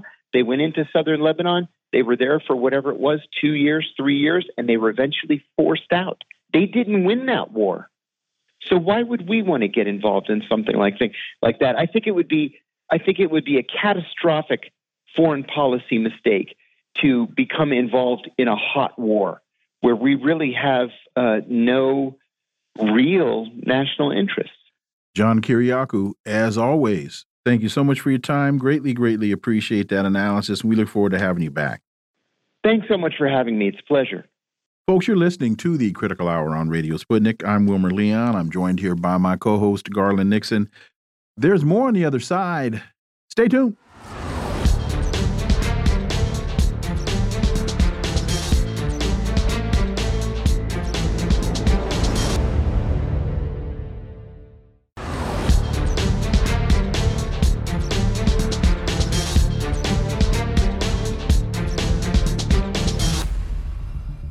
We are back, and you're listening to the Critical Hour on Radio Sputnik. I'm Wilmer Leon, joined here by my co host, Garland Nixon. Thank you, Wilmer.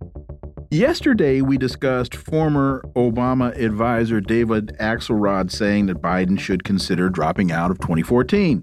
Today, some Democrats worry Biden's team is ignoring political warning signs.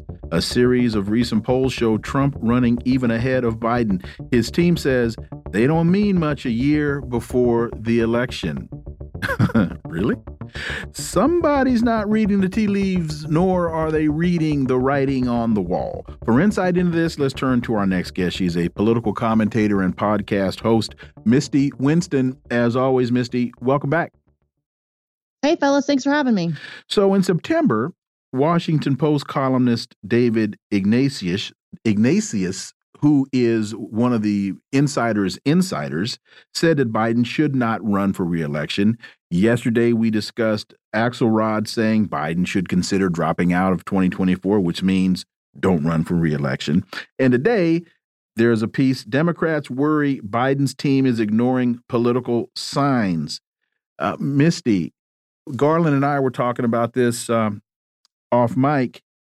Sometimes people see pieces like this as being suggestions. Yeah. I see Yeah. this as being the message being Hmm. sent very subtly or not so subtly. Joe, we're not behind you anymore. Misty Winston.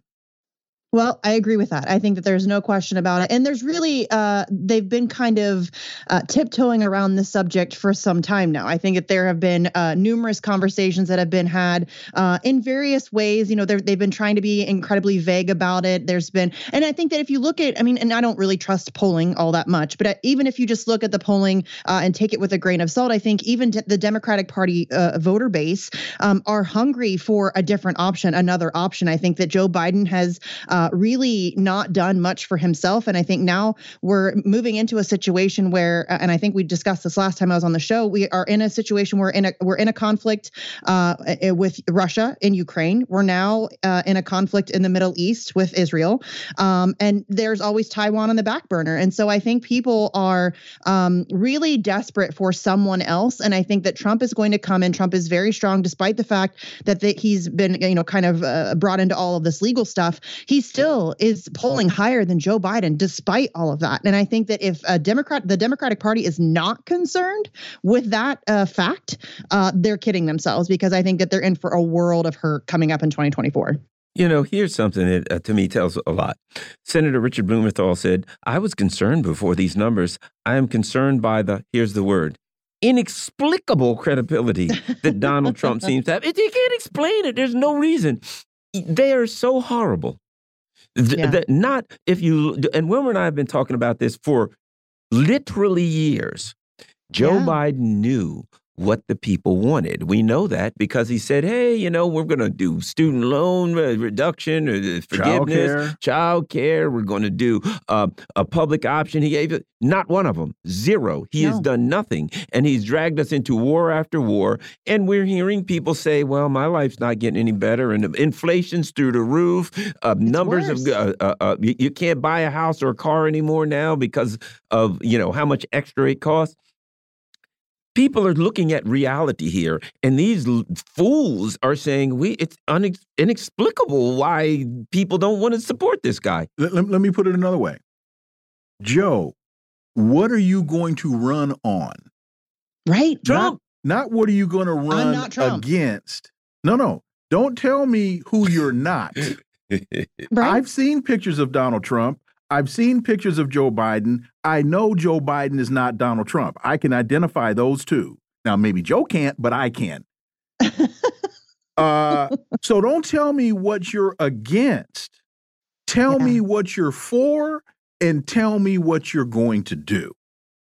Well, the problem with that, though, guys, is that he told us what he was going to do and then he didn't do any of it. So I don't even know that people would believe him, even if he came out and said, hey, we're going to do this, we're going to do student loans, we're going to do blah, blah, blah, blah, blah. It doesn't matter. He already said all those things and then did none of it. So I don't even think that people, uh, I mean, some might be uh, bought off by that. And I think really that would still be he's not Trump. Uh, and so he's giving me some platitudes. At least I can go on that. But the idea that Donald Trump, uh, Donald Trump's popularity is inexplicable, that just shows how completely out of touch they are. It's completely understandable. He uh, has presented himself as this challenge to authority, this outsider. This, he's not any of those things, um, but he has he's done a very good job of presenting himself as that, as a hero of the people. Uh, and now the Democrats have done nothing but help him by elevating that storyline and going after him in all these legal situations where it just uh, you know perpetuates the mythology that he's this outsider that they're going after. Um, so the idea, just the fact that they are just befuddled as to why Donald Trump is so popular just shows how completely out of touch they are and how they just do not understand. They do not get it.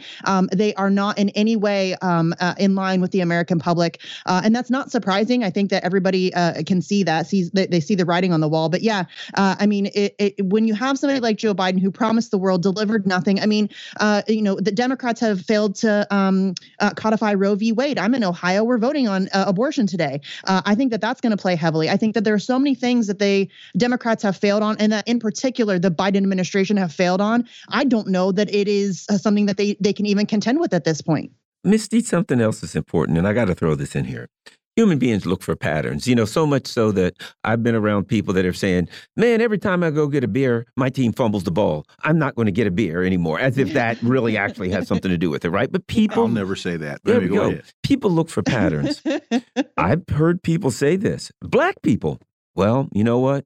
When Trump was in, and then off goes a litany of things. When Trump was in, gas was cheaper. When Trump yeah. was in, um, we weren't in all these wars. When Trump was in, interest rates weren't high. Here's the other thing Trump has human beings look for patterns, and they're going to, people are literally saying, when Trump was in, things were better. Now, yep. I'm not saying that things were better because Trump was in, but the fact of the matter is real, and that's how human beings see the world, Misty. Yeah, yeah, no, you're absolutely right. And that you're, and of course, things weren't better because of Trump necessarily, but there's no debating it, at least in my opinion. I mean, if you have a different perspective, I would love to hear it, but things are worse. There's no question about it under Joe Biden. And for whatever reason, it really doesn't matter because the presentation of that is that under things, Trump were better, as you just said. And you're right. I've heard so many people say that. And it's a little bit frustrating because um, they will attribute things to Trump that he's not actually responsible for. I've heard many people say that he was a peace candidate and that for his, for his four years, uh, we were uh, it was it was peaceful. That's ridiculous. he, I mean, more drone strikes than Obama. He dropped the mother of all bombs. I mean, it was certainly we were still he assassinated conflicts around Soleimani. The, yeah, which, yeah, which yeah, only by the grace of the Iranians are we not in a war because of that. Exactly. But people forget yeah, but the they, bad stuff. Yeah. Oh, that's true. Yes. They, they romanticize the stuff. We will. We will romanticize life. Like, but, but, go go ahead, go ahead Misty. No, but you're right though, and I think that um, uh, he had, but that again is just um, uh, a credit to Donald Trump and being able to, you know, build that mythology around himself and to be able to create that perception. And he's also really good because he knows his audience. He knows how to speak to them. He knows exactly what they want to hear, and he's very good at delivering that message. And I think that um, Biden is not good at that. Biden can't even form a coherent sentence. Do you know what I'm saying? So it's uh, it's it's going to be a really difficult thing, especially as we move further into the election season, as we get towards debates. I mean, I cannot imagine Joe Biden. It was difficult for him the first time around uh, to be able to to debate uh, Donald Trump. So this time around, when he has very clearly deteriorated even further, um, I think that they again, if Democrats think that this is going to be smooth sailing, they are fooling themselves. I think they are in an unbelievable world of hurt for 2024, in my opinion. And here's one more point, Misty. We got about a minute and a half. That and that is turnout. Donald yeah. Trump has a solid, we'll just say for simple math, 35% of folks that are going to come out and vote for him no matter what. The big problem that the Democrats are going to have, I believe, is turnout. Yes. Yeah, there's nothing inspiring about Joe Biden or his message. Again, he promised the world and delivered nothing. So why would anybody waste their time going out to vote for him? And I think that Trump supporters are incredibly loyal and they're very fired up, especially given all of the legal stuff that's been brought out over the uh, over the last year or two. Um, they are more fired up than ever, and I think that they are going to turn out probably in record numbers. And there's no way Democrats are going to see that kind of turnout in 2024. Wow, that, that it, it, it, here's here's the thing, Misty. It's so obvious. It, yeah. It's yeah. you know, thank you, Captain Obvious. Uh, yeah. But but it's but in the minds of the folks that that that are in the mainstream, they they are oblivious to the obvious. Thirty seconds. Yeah, they're just completely out of touch. I don't think that they understand what's happening on the ground for the average everyday American person, and uh, it's to their detriment. And I think that again, we are going to see um, uh, this election. I think is really going to be something uh, that we haven't seen before. And I think that if Donald Trump is allowed to run, uh, I think almost certainly he is going to win. And, and, you know, Wilmer, it is everything with them is in our media now is narrative driven. They they believe that yeah. they create all the narratives, and we just have to mm -hmm. abide by whatever story they're giving us. So they don't really care that much about the reality on the ground. And what we're seeing exactly. play itself out with the, for example, the protests that we saw over the weekend. The narrative, the dominant narrative, is losing. Misty Winston, as always, thank you so much for your time. Greatly, greatly appreciate that analysis, and we look forward to having you back. Thanks, guys. I always love talking to you. Folks, you've been listening to the Critical Hour here on Radio Sputnik. Thank you for allowing our voices into your space. On behalf of myself and my co host, Garland Nixon, we hope you were informed and enlightened, and we look forward to talking with you all right here tomorrow on Radio Sputnik. Be safe. Peace and blessings. We're out.